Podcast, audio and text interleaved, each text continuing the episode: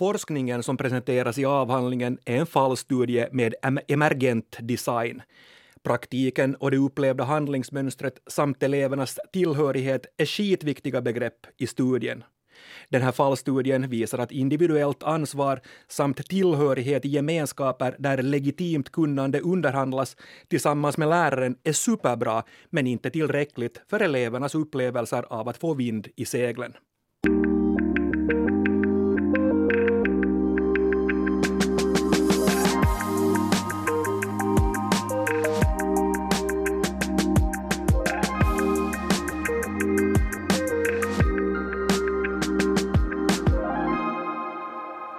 Näst sista ordet är tillbaka med stil och med mig, Jens Berg, men inte med språkexperten Jenny Sylvin idag. Jenny, hon är flunsig och vilar idag. Men har en förtröstan, jag har med mig en annan expert på dagens ämne. Det är med glädje jag säger välkommen till dagens gäst, Katarina von Numers Ekman. Tack, jätteroligt att vara här. Detsamma, det är härligt att ha dig här, Katarina. Du är, du är författare, du är det som jag skulle kalla för en stilkänslig kolumnist. Du är tidigare lektor i modersmål och litteratur. Du är, var och förblir Svenskfinlands första läsambassadör. Och idag är du ombudsman vid Svenska kulturfonden. Ungefär rätt så här om jag komprimerar din, ditt CV. Ja, det stämmer bra. Mm. Och, och när jag läser det här, listan över saker du har jobbat med och jobbar med fortfarande, så finns det ganska många olika stilar och stilnivåer representerade här. Hur, hur uppmärksam har du blivit uttryckligen på stilar och kanske då också på stilbrott som vi ska tala om idag? Det är ju så när man jobbar med språk och skriver olika sorters texter och läser en massa texter hela tiden så utvecklar man så småningom ett gehör, en känsla för olika stilarter och, och olika stilnivåer.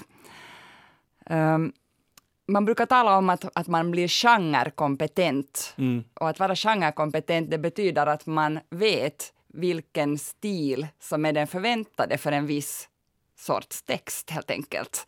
Och det här är ganska, någonting som man jobbar med ganska mycket på gymnasiet. Jag kan tänka det. Också, också förstås i grundskolans undervisning i modersmål och litteratur.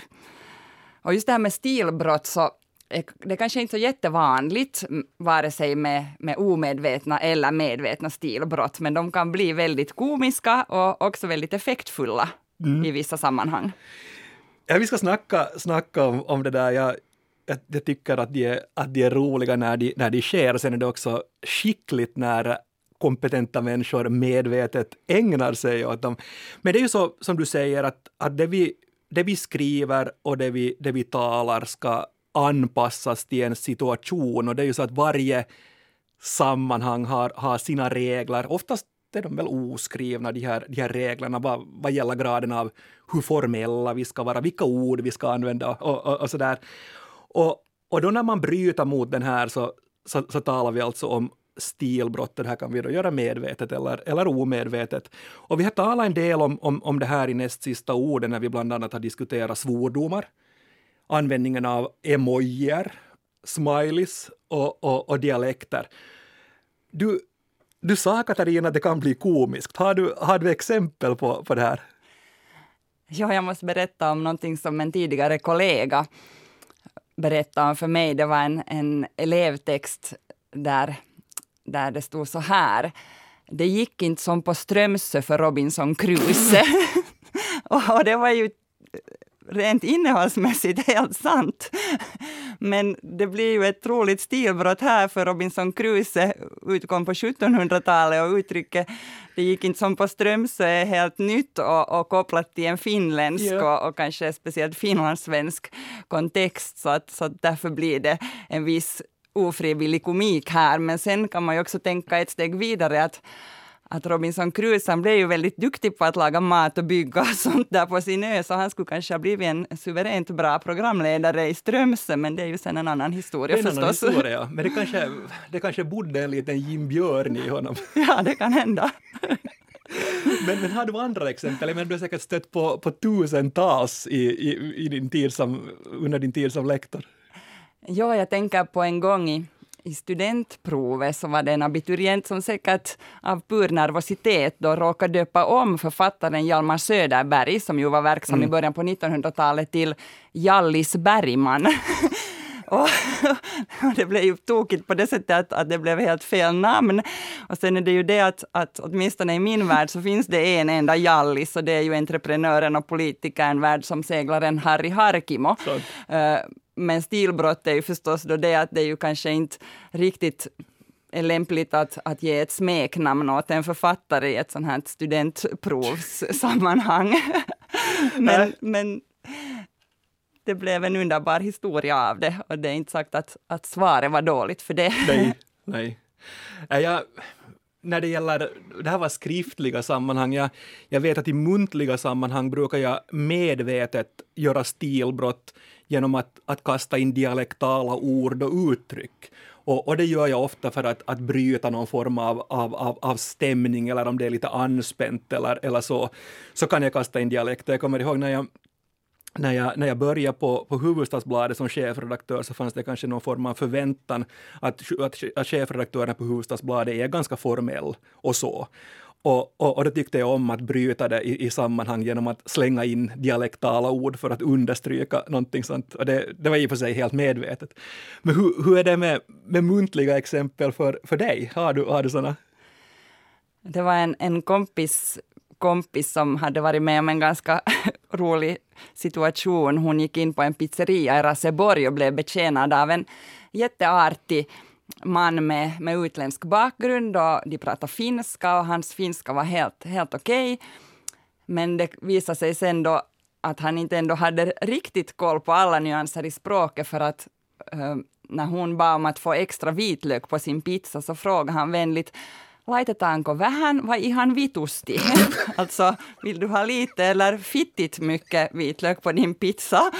Och, och, det att man skrattar åt det här är ju inte att man skrattar åt honom för att han råkar göra ett stilbrott, utan jag tycker det roliga här är att det säger någonting om, om det finska språket och hur frekvent då ett sånt här uttryck är i vardagsspråket, så att en, en människa med annat, annan språklig bakgrund då uppfattar det som ett helt gångbart uttryck. Men sen kan man också nog föreställa sig att det var rejält med vitlök. Ja, det var det säkert. Men har du andra exempel när du, är, när du är på gång? Jag kommer ihåg en, en sådan klassrumssituation. Lektionen skulle just börja och studerandena kom in i klassen och så var det en sån här kille.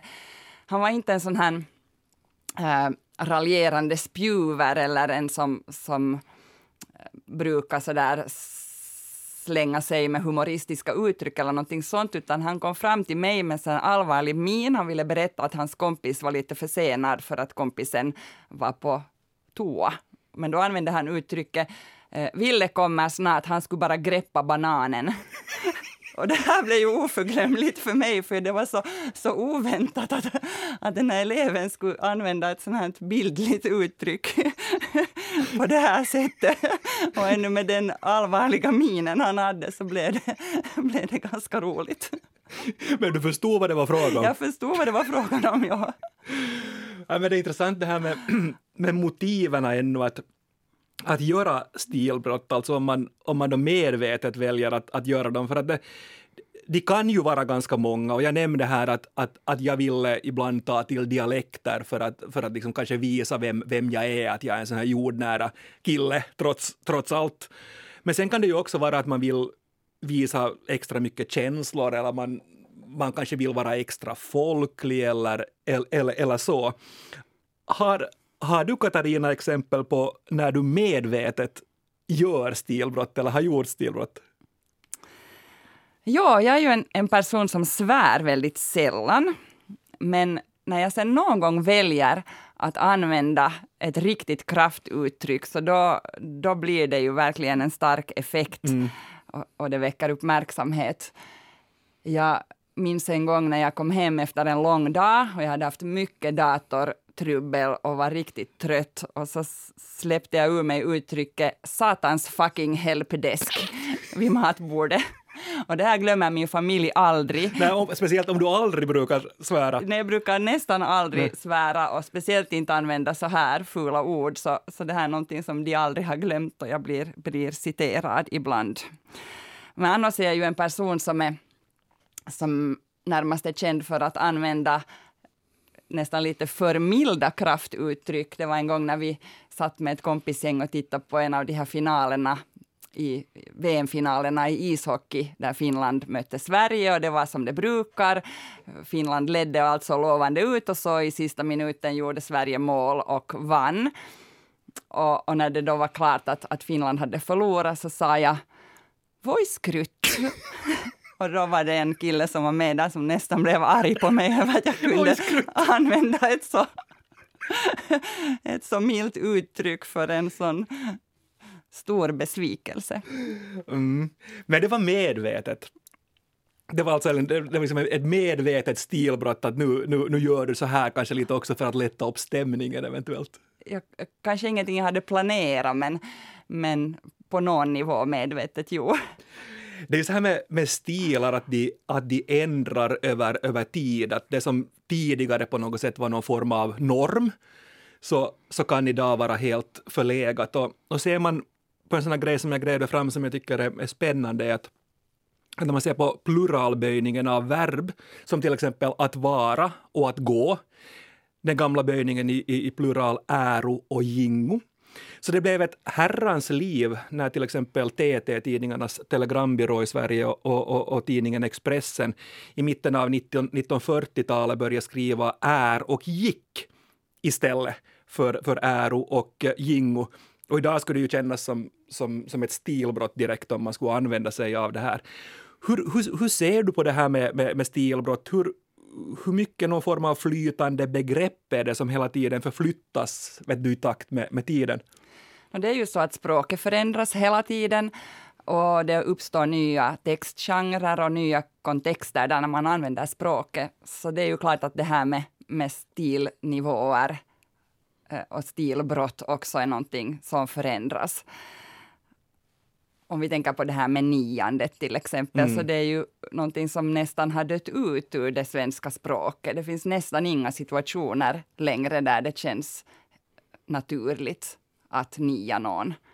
Jag lade märke till att, att programledarna i Efter nio också dua statsminister Sanna Marin här nyligen. Det är sant, ja. Eh, I, i programmet och, det, det, det kändes naturligt. Så att jag tänker att, att så småningom kommer niandet att kännas så ålderdomligt att det uppfattas som ett stilbrott i mer eller mindre alla sammanhang. Mm. Jag läste också, också någonstans att stilförändringar är alltid ett spel mellan uppror och tradition. Mm, någon, någon form av, av, definition. Men det handlar väl det här till syvende och sist om vi, om vi, om vi kokar ner stilbrott till någon form av stilkänsla. Alltså att veta vilka ord och, och uttryck som, som passar i ett, i ett visst sammanhang. Vi ska börja gå in på, på det här med hur man kan lära ut det och lite tips till, till abiturienter och, och, och så vidare. Men, men hur, hur kan man lära ut stilkänsla? En sån fråga först. Kan man det? Jo, det kan man. Det finns ju någonting som kallas för stilmedel och det är sådana språkliga knep som en skribent medvetet kan använda sig av för att skapa en mm. viss effekt i en text. Och det finns väldigt många olika sådana stilmedel. Det kan till exempel handla om att man väljer ett laddat ord eller man ställer en retorisk fråga. Man kan använda bildspråk, som det här med att, att greppa bananen är ett exempel på det. Eh, man kan till exempel upprepa sig med flit för att man vill betona någonting som är viktigt eller man vill skapa mm. en speciell rytm. Så att um, det här är ju någonting som man kan, kan undervisa i förstås. Mm. Och då kommer vi in då på det stundande studentprovet i modersmål, som ju numera handlar en hel del om att förstå och behärska olika stilmedel, om jag förstått saken rätt. Absolut.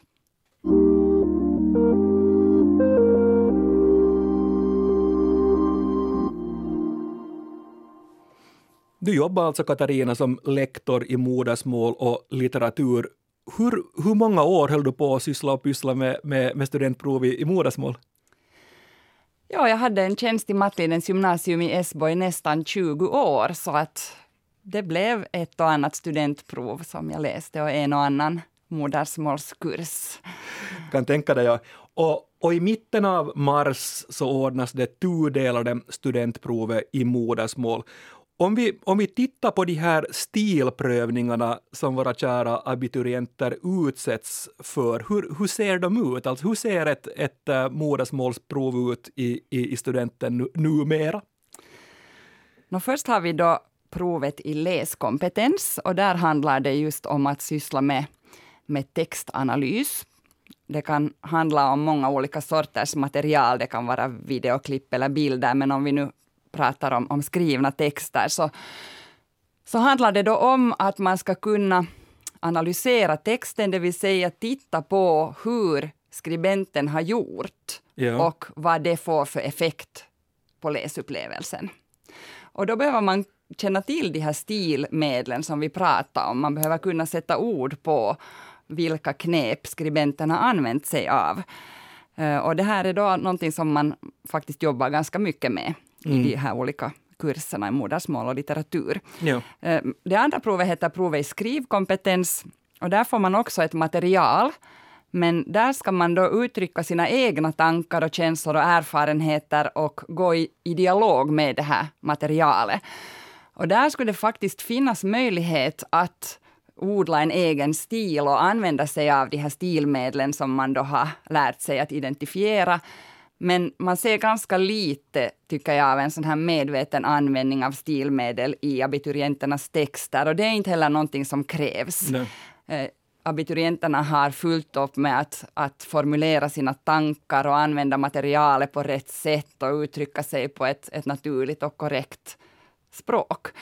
Uh, och det, så det, det, visar att det här med att använda stilmedel och, och, och, skapa en sån här personlig stil och hitta ett eget tonfall och sånt här, det, det är ganska svårt. Det kräver jättemycket övning. Ja.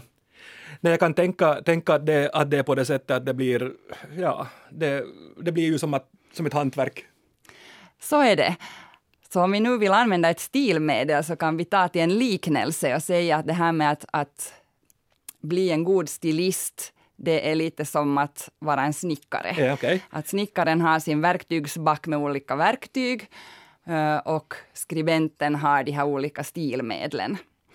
Om vi då tänker oss att, att vi tittar på det här med, med, med snickrandet så, så är det ju förhållandevis enkelt för vem som helst att lära sig att det där är en borr och det där är en såg och det där är en hammare. Och vi kan också lära oss att identifiera att jaha, den här stolen är nu eh, snickrad i en sån och en sån stil. Mm. Men steget att själv snickra en stol och, och, designa den på ett personligt sätt är ganska långt. Så att det är lite på samma sätt för skribenten, att man, man, man får träna mm. på att använda språkliga stilmedel för att, att bli en, en skicklig stilist. Och då var vi där, vid olika stilmedel en liknelse. Du var inne på en liknelse här. Skrivhantverket med snickerihantverket. Ett stilmedel att använda liknelser. Mm. Mm. Och så var vi inne på Jim Björni och snickeriet igen här också. Hälsningar bara till Kristinestad om du är där. Det var ju så att för några år sedan, nu kommer jag inte exakt ihåg året, skulle det ha varit 2016, 17, 18, så blev det en, en liten debatt kring ett ord som användes i en essäfråga i modersmålsprovet. Och frågan handlar om resande överlag och den här frågan som, så löd vart är det okej okay att resa? Och det som ledde till den här debatten så var ordet okej okay i en ett sånt här formellt sammanhang, att var det, var det ett stilbrott? Och kritiken i korthet, studentprovet är en formell kontext, ordet okej okay inbjuder till ett vardagligt svar, alltså till talspråk, detta är ett stilbrott. Vad säger du Katarina om okej-gate, om jag döper det till det? Ja, det var ju Anna Maria Gustafsson som jobbar på Språkinstitutet och har varit censor i många år som sen tog upp den här frågan i en, en text. Och hon säger där att, att, att hon som sensor säkert skulle dra ett streck under det här ordet okej okay, för att markera att ja, det här är kanske lite väl vardagligt eller lite väl talspråkligt för den här, det här sammanhanget. Men det är ingenting som hon skulle räkna som ett allvarligt fel på något vis. Och där kan jag ju verkligen hålla med. Ordet okej okay, eh, vinner terräng, det används i en massa olika sammanhang. Eh, och ja, I riktigt formella kontexter kanske det inte riktigt passar, men, men det är ingenting som, som stör särskilt mycket. Och, och om vi tänker att, att ordet används i en, en elevtext som kanske handlar om någonting ganska vardagligt så kan det till och med passa in helt mm, okej. Okay. Mm. Helt okej. Okay. helt okay. Men har du andra, andra motsvarande exempel, antingen från studentprov eller, eller från jobbet med, med, med studenters texter, när du funderar på ett, ett, ett ord okej okay eller inte okej? Okay? Jag har tänkt på det här lilla ordet dock. Som lärare har jag ofta sagt åt mina studerande att de ska an, alltså undvika att använda ordet dock, för det är lite gammaldags och det är lite stelt och, mm. och det går att ersätta med andra smidigare ord.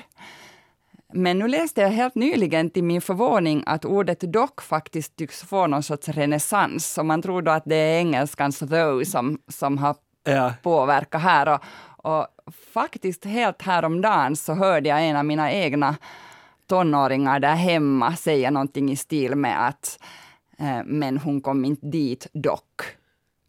Är inte ganska härligt? Ja, det är mycket intressant. Så det egentligen så skulle kanske dock ha varit ett stilbrott för tio år sedan, men nu som lektor så skulle jag fundera, kanske ändå okej? Okay i ett sånt här sammanhang? Ja, det ska bli en sån här, ett övervägande och jag kanske skulle ha tagit upp det till diskussion med mina studerande och berätta att, att så här har man resonerat tidigare och tänker för i studentprovet när det gäller dock, men det är ju ett bra exempel på att språket förändras och vår känsla för vad som är, mm. stilbrott också gör det. Men hur, hur är det annars, hur mycket brukar ni, ni lektorer diskutera sådär generellt stilkänsla och, och, och stilbrott med, med de studerande? Det gör vi ofta. Många gånger handlar det om att vi, vi jämför det språk som ungdomarna själva använder, till exempel på sociala medier, med andra typer av texter och, och vi kanske pratar om att, att det är inte är okej okay att skriva bara ett o istället för ordet och i, i de flesta textgenrer och så vidare. Men jag hade ett roligt exempel här. Det var en modersmålslärare i en finlandssvensk högstadieskola som hade pratat just om de här sakerna med sin klass och, och betona hur viktigt det är med, med stilkänsla och med eh, genrekompetens. Och, och sen kort efter den här lektionen så hade hon skickat ett sms till den här klassen och då fick hon ett svar från eleverna där de anklagade henne för att inte alls vara genrekompetent. Hon hade nämligen skrivit sitt textmeddelande i hela meningar med stor bokstav och punkt och utan förkortningar, som man ju gör om man är modersmålslärare. Men det här uppfattade eleverna då som ett, ett stilbrott, så att, att, det var ju helt olämpligt att formulera sig så här formellt i ett sms. Men det är ju briljant, för att jag menar, då, då, då kan man ju också säga att, att, att du har någonting som har gått hem hos de studerande eller hos eleverna. Absolut, absolut. Sen är det ju svårt det här som vuxen att liksom göra rätt i ungdomarnas ögon. För att, att det värsta stilbrott man som vuxen, som förälder eller lärare kan göra är ju att man försöker slänga in sådana här moderna slanguttryck som ungdomarna använder i, i sitt språk. Det blir oftast bara fel. Uh, och intressant nog så, så där kan man ju också bli anklagad för att vara för ålderdomlig fast man då uh, tror att man eh, använder ett ord som är, som är helt, helt, helt gångbart mm. också bland de unga. Att det var en god vän till mig som nyligen blev utskälld av sin tonårsdotter för att hon hade använt det fruktansvärt pinsamma och ålderdomliga verbet chatta, som är så 2014. Så det är inte så lätt att göra rätt. Nej, nej. Och ändå, jag menar 2014, det, det var ju jättelänge sedan.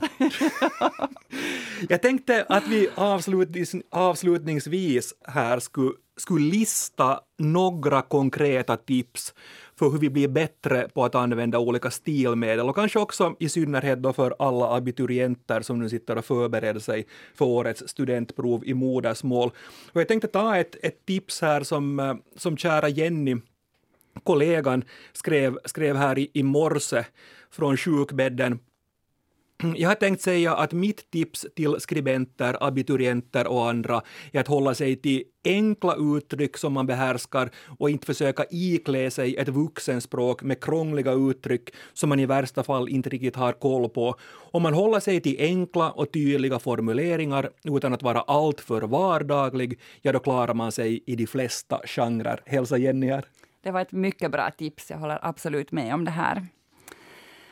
Sen tänker jag att, att man kan ju också försöka läsa olika sorters texter med de här analysglasögonen på, så att man inte bara tänker på textens innehåll medan man läser, utan att man funderar på hur den är skriven.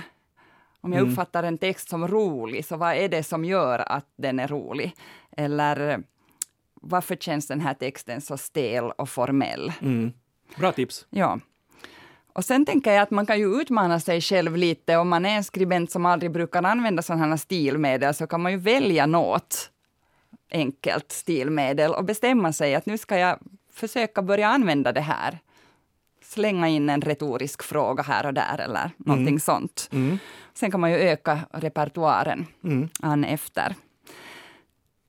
Och så tänker jag också att man kan ju roa sig med att leka med olika stilar man kan testa, vad händer om jag skriver en arbetsansökan som är full med talspråk och, och slang och svordomar, mm. eller hur skulle ett kärleksbrev skrivet på stelt kanslispråk kunna se ut? Det här kan till och med bli en sällskapslek, tänker jag. Och det ökar medvetenheten om olika stilnivåer. Mm. Jättebra tips där. Och jag kan komma med ett också, man kan kanske också lyssna på näst sista ordet. Ja, absolut. Men tack Katarina von Numers Ekman för att du var med mig här i studion idag. Tack. Och tack ännu kära lyssnare för alla frågor och alla kommentarer vi får vi kommer under våren att göra åtminstone ett specialavsnitt där vi svarar på de här frågorna. Fortsätt gärna att ställa oss frågor. Undrar du varför vi säger olika saker till exempel i olika sammanhang? Och vi fick in en fråga här också. Varför säger vi till exempel morgens när vi avslutar ett avsnitt? Är inte morgens någonting som man säger när man träffas och inte när man skiljs åt? Det här är ett exempel på en sån fråga som jag, som jag älskar. Vi ska svara på den här, men inte idag. Skicka gärna frågor och kommentarer på nastsistaordet yle.fi. Men nu för den här veckan säger jag Jens Mor Jens.